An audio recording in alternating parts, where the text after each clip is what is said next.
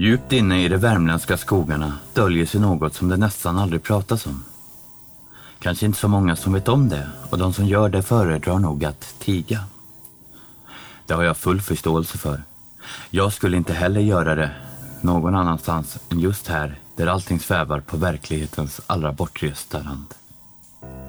För det är ju så med mina historier, att en del är sant, annat inte och det mesta svävar någonstans mitt emellan. Ni som lyssnar kan naturligtvis aldrig vara säkra på vilket, men låt mig försäkra er om att i stort sett samtliga innehåller sanningar. Ni förstår säkert varför jag gör på det sättet. Om inte, tänk er in i min situation för ett ögonblick. Men nu var det inte det jag skulle tala om. Den här gången tänker jag berätta för er om någon som nyligen lät mig få veta en hemlighet så oväntad att jag blev alldeles bragd ur fattningen. Så, here we go. För en tid sedan satt jag på ett tåg på hemväg från en kortare semester. Sjuk och eländig satt jag där och ville bara komma hem igen någon gång så att jag fick komma i säng och inte stiga upp igen förrän jag var frisk. Men det visade sig snart bli en helt annan typ av resa än vad jag från början trott. Av en ren tillfällighet kom jag nämligen i samspråk med en äldre man som satt bredvid. En lång och kraftig man, någonstans mellan 50 och 60 skulle jag gissa på. Han var klädd i kamouflagekläder och jag trodde först att han kanske var militär av något slag. Men det var han inte. Han var skogsmänniska. En sådan där som levt halva sitt liv i skogen som skogsarbetare, jägare, vandrare och friluftsmänniska. Han pratade inte riktigt ren svenska och det visade sig bero på att han kom från Ryssland. Det berättade han när han presenterade sig som Vidalli och skakade min hand med ett grepp så hårt att jag trodde att han skulle krossa min hand. Vi språkade en stund om ditt och datt och han konstaterade snart att jag var sjuk. Han sa åt mig att enligt gammal tradition skulle jag äta en viss ört så skulle jag bli frisk omedelbart. Tyvärr visste han inte örtens svenska namn och jag är inte tillräckligt bra på sådant för att förstå vilken ört det var han försökte beskriva för mig. På den vägen ledde samtalet in på skog och mark och vad man kan finna där.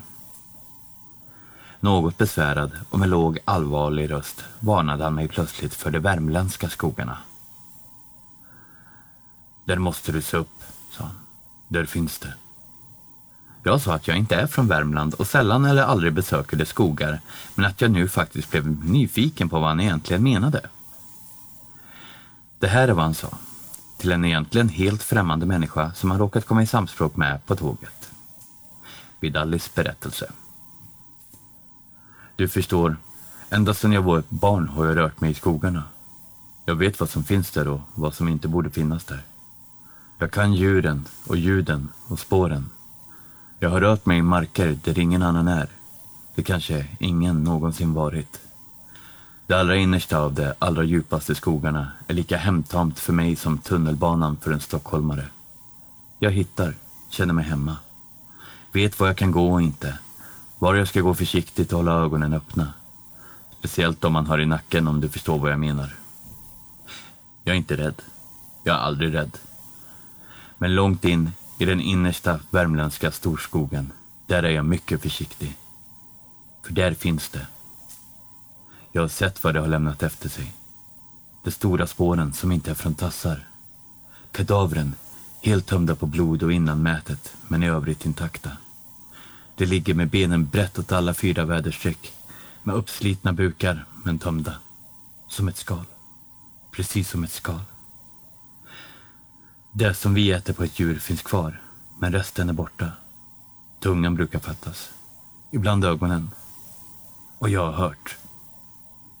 Rörelser och ljud som inte hör hemma. Ett slags visslande tjut som inte liknar någonting annat. Den rör sig framåt på två ben med långa steg och den är stor.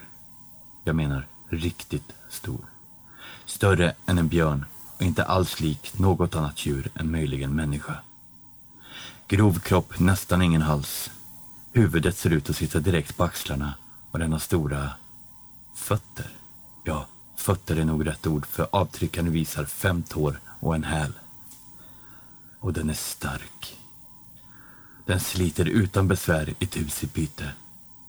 Jag vet inte vad den skulle kallas här, men i Ryssland kallar vi den för mänk. Mänk håller till där inga människor finns. I vildmarken, urskogarna eller bergskedjorna. Håller sig undan från människor förstår du. Tycker inte om dem. Mänk brukar inte ge sig på människor om han inte blir trängd eller provocerad. Men han är lättkränkt. Det är tur att han lever så långt ut i vildmarken. Annars hade det varit många fler olyckliga möten mellan människa och mänk. Men för säkerhets skull, vissla aldrig i skogen. Han tycker inte om det och hör han dig blir han rasande. Jag visslar aldrig själv i någon skog just av den orsaken. För man vet aldrig när Mänk hör och inte. Och skulle du själv få höra det visslande tjutet som är hans läte, vila då inte på akten, det säger jag. Bara spring. Det fortaste du kan, för då är han i närheten. Han rör sig mycket fort och tyst om han vill. Och det blir bara en flicktrasa kvar av dig om Mänk hinner ifatt. Du behöver inte vara rädd när du är i skogen. Inte ens i skogarna i Värmland. Men du måste vara mycket uppmärksam. Titta efter spår. Lyssna. Håll dig uppmärksam och vissla inte.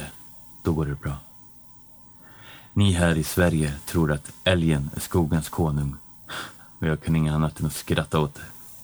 För det är Mänk som härskar där ute. Mänk är skogens konung och härskare. Alla djur i skogen vet om det, rättar sig efter det. Och några få människor också. För det är så det måste vara. Du undrar kanske varför du inte hört talas om Enk. Men det har du. Säkert har du läst eller hört om upphittade tömda djurkroppar. Kor eller andra större djur som hittas tömda på blod och utan innanmäte, som saknar tunga. Säkert har du hört eller läst om märkliga läten eller spår. Mänk har många namn. Det är bara där jag kommer ifrån vi säger Mänk. Säkert har du hört eller läst om vad som hände i Dyatlov-passet i Sibirien. Mänk orsakar det. Det är jag helt säker på. Det finns mängder av både spår, vittnen och bevis där ute. Men ingen vill ju se dem. Samla ihop dem. Till vilken nytta undrar jag. Vad har en sådan som jag att bevisa? Nej, det räcker gott med att jag vet det jag vet. Så har jag åtminstone tänkt fram till nu. Men nu på sistone, på sistone har jag börjat fundera. Över mig själv och det jag vet. Över Menk och vad Menk gör. Och kanske är det dags. Dags att gå in i det innersta inre av de värmländska skogarna. Vissla och vänta. Vissla och se vad som händer. Vad jag kan bevisa. För mig själv och dig och alla andra. Menk har varit en legend sedan urminnes tider och kanske är det dags att någon lockar fram Menk i öppen dager. Dags att visa att Menk är och vad han är. Så jag har bestämt mig för att göra det och det är dit jag är på väg nu. Jag ska vissla på Menk och vänta på att han kommer. Sedan får vi se. Vidalli tystnade och såg på mig med ett snett leende och jag tittade tillbaka. Nej, jag var nog tillräckligt förbluffad för att vara ohyfsad nog att faktiskt stirra med stora ögon. Till slut hade jag vett nog att vända bort blicken och be om ursäkt. Men varför? började jag och tystnade genast, för jag förstod ändå. Jag hade tänkt fråga varför han ville göra något sådant när det var så farligt, men jag förstod svaret utan att fråga. Han ville bli trodd. Han ville se om jag trodde och han ville inte vara ensam om att veta att Menk bor i de värmländska skogarna. Jag hoppades att det skulle räcka så, men trodde inte det. Vidalli nickade för sig själv där han satt. Vid nästa station skulle han kliva av för att byta tåg och ingen av oss sa något mer. När tåget en stund senare stannade reste han sig helt enkelt bara, satte kepsen till rätta och slängde upp sin stora ryggsäck över ena axeln. Han nickade kort och vänligt mot mig och gick sin väg utan ett ord. Men han visslade på en kort och faktiskt ganska obehaglig melodi som jag inte kände igen. Jag vet inte varför jag uppfattade den som obehaglig, men det gjorde jag. Den lät baklänges på något sätt. Ut och in. Det sista jag såg av Vidalli var hans ryggtavla som försvann in i folkmyllret på stationen. Sedan började tåget rulla och alltihop försvann ur sikte. De två följande veckorna blev jag sängliggande med en av de värsta förkylningarna jag någonsin upplevt. Man orkar inte göra så många knop under sådana omständigheter, men man kommer aldrig ifrån sin hjärna och jag orkade i alla fall tänka. Jag tänkte mycket på det Vidali berättat för mig och ja, ni känner väl mig vid det här laget. Mängder av frågor dök upp i skallen och jag önskar att jag hade fått en chans att ställa dem. Jag ska inte trötta ut er med att rada upp dem här, men säkert är det mycket lika de frågor ni själva har gällande den här historien. Och jag tänkte på Vidali också.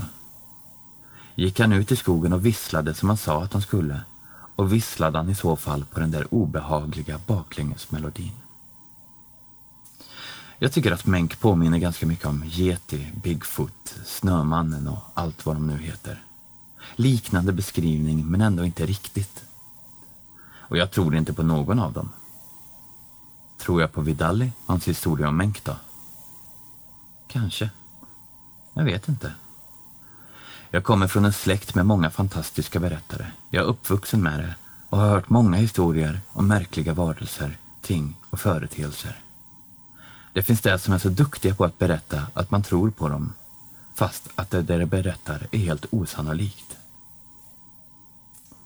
Sådan var Vidalli. Jag trodde honom, men inte nödvändigtvis det han berättade. Men vem vet? Vem vet? Och det kommer nog dröja innan jag vågar vissla i skogen igen. Ens på hunden.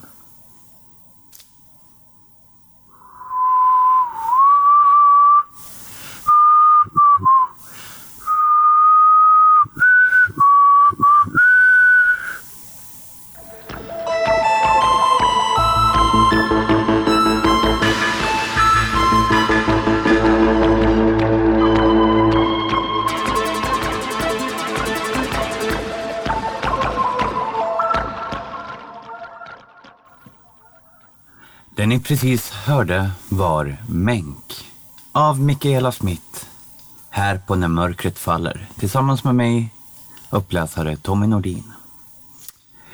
Vi ska faktiskt ha en historia till idag som också handlar om skogen. Också skriven av Mikaela Smith och uppläst av mig.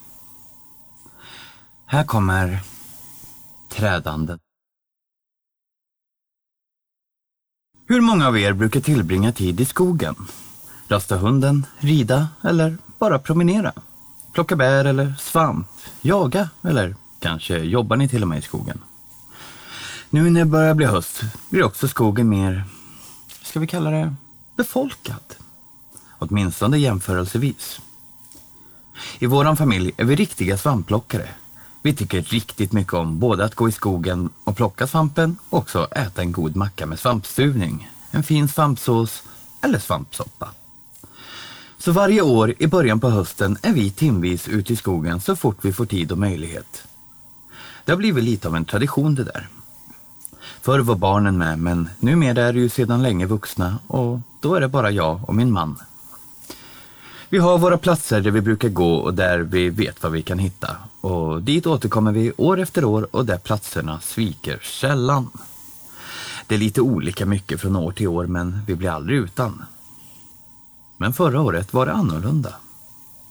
Vi fick ett tips av en god vän om en stuga som vi kunde få låna.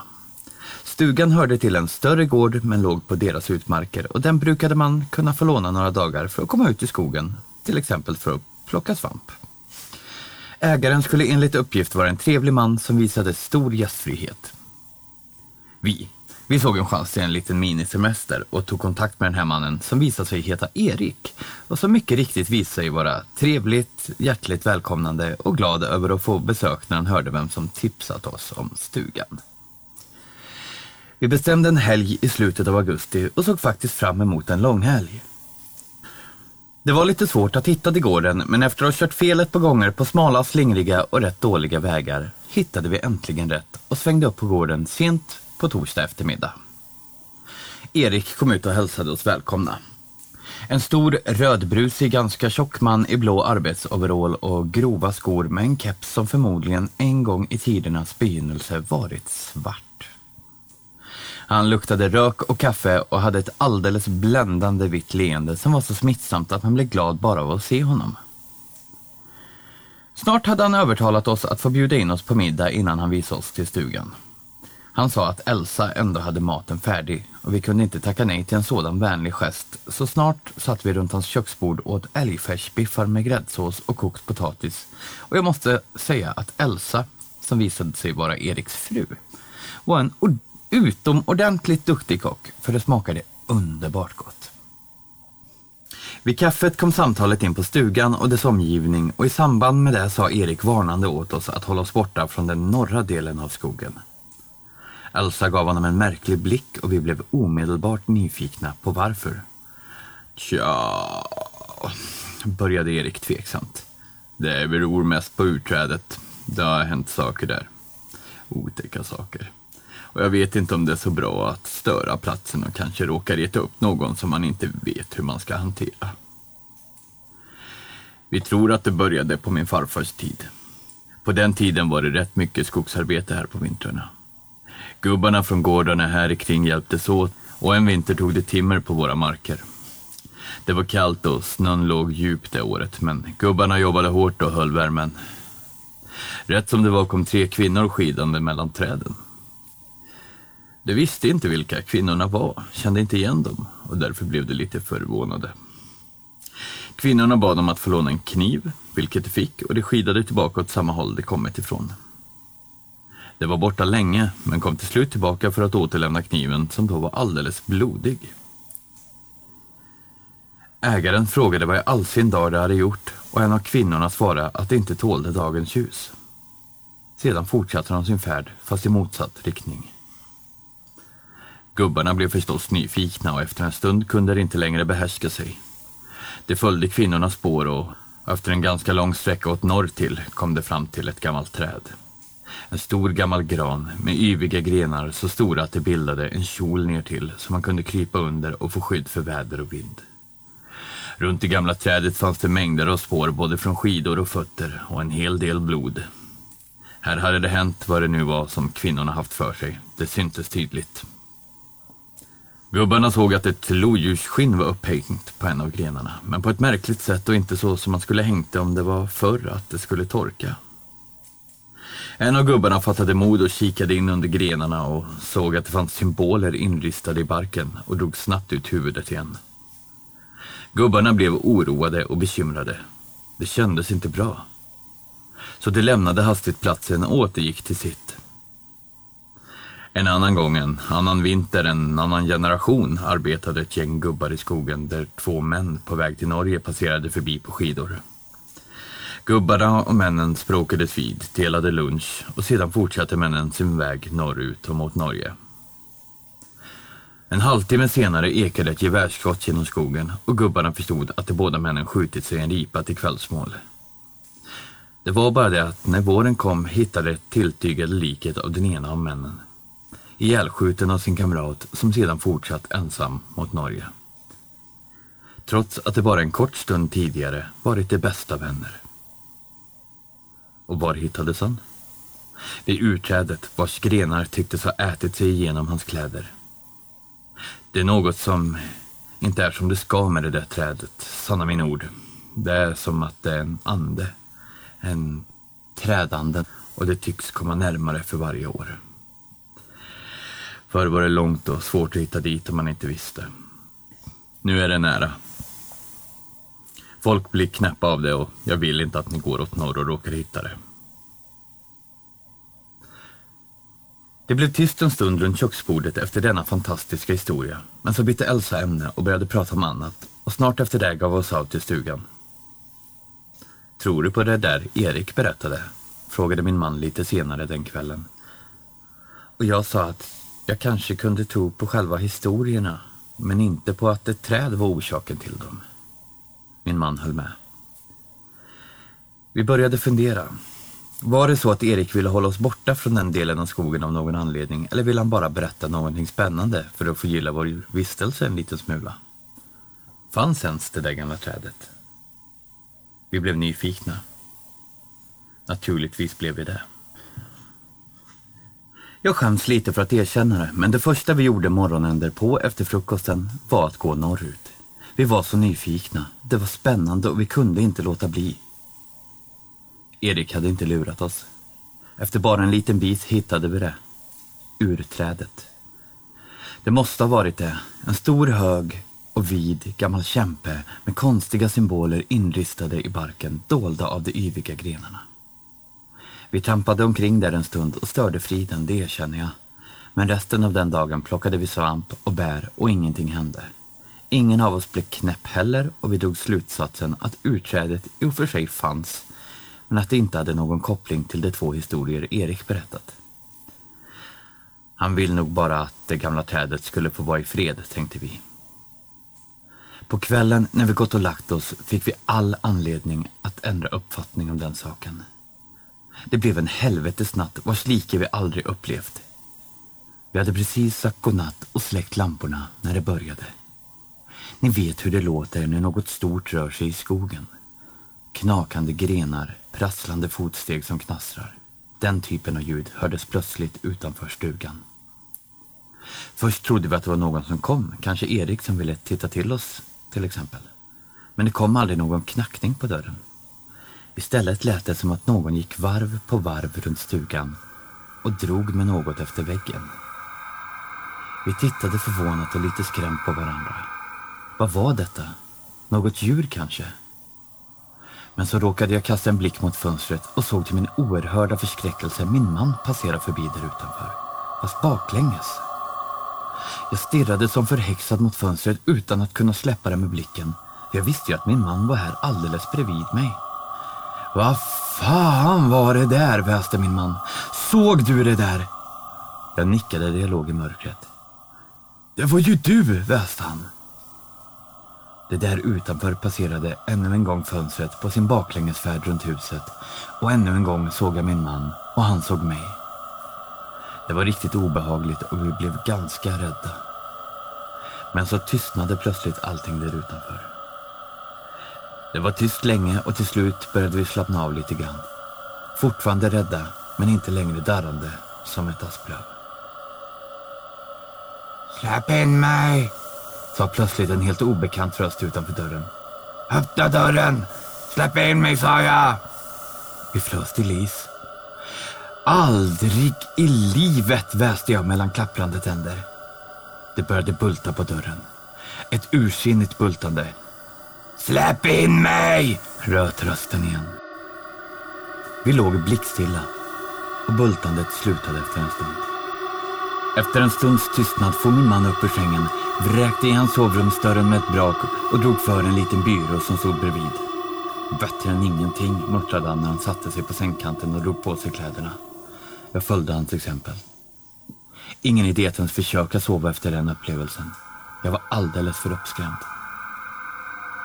Plötsligt hörde vi hur dörren till stugan öppnades och slog igen.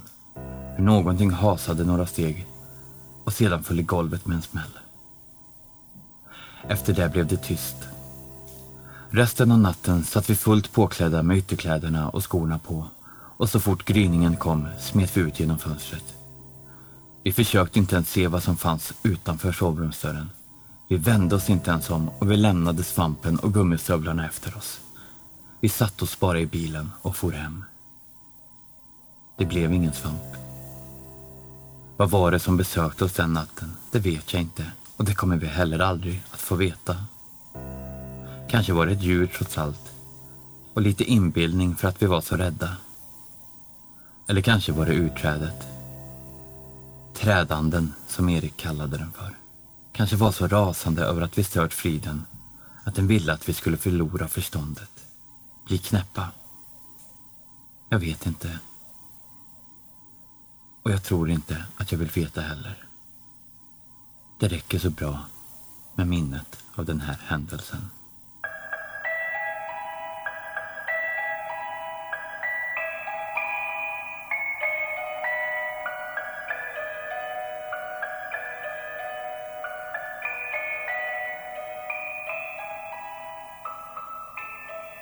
Det ni hörde var Trädanden av Mikaela Schmidt. Och med det så vill jag önska er alla godnatt. Och hoppas att ni sover gott. Och glöm inte att kolla in NMF podd på Instagram. Och tack till alla nya lyssnare och till alla följare. Ni betyder världen för oss. Adjö.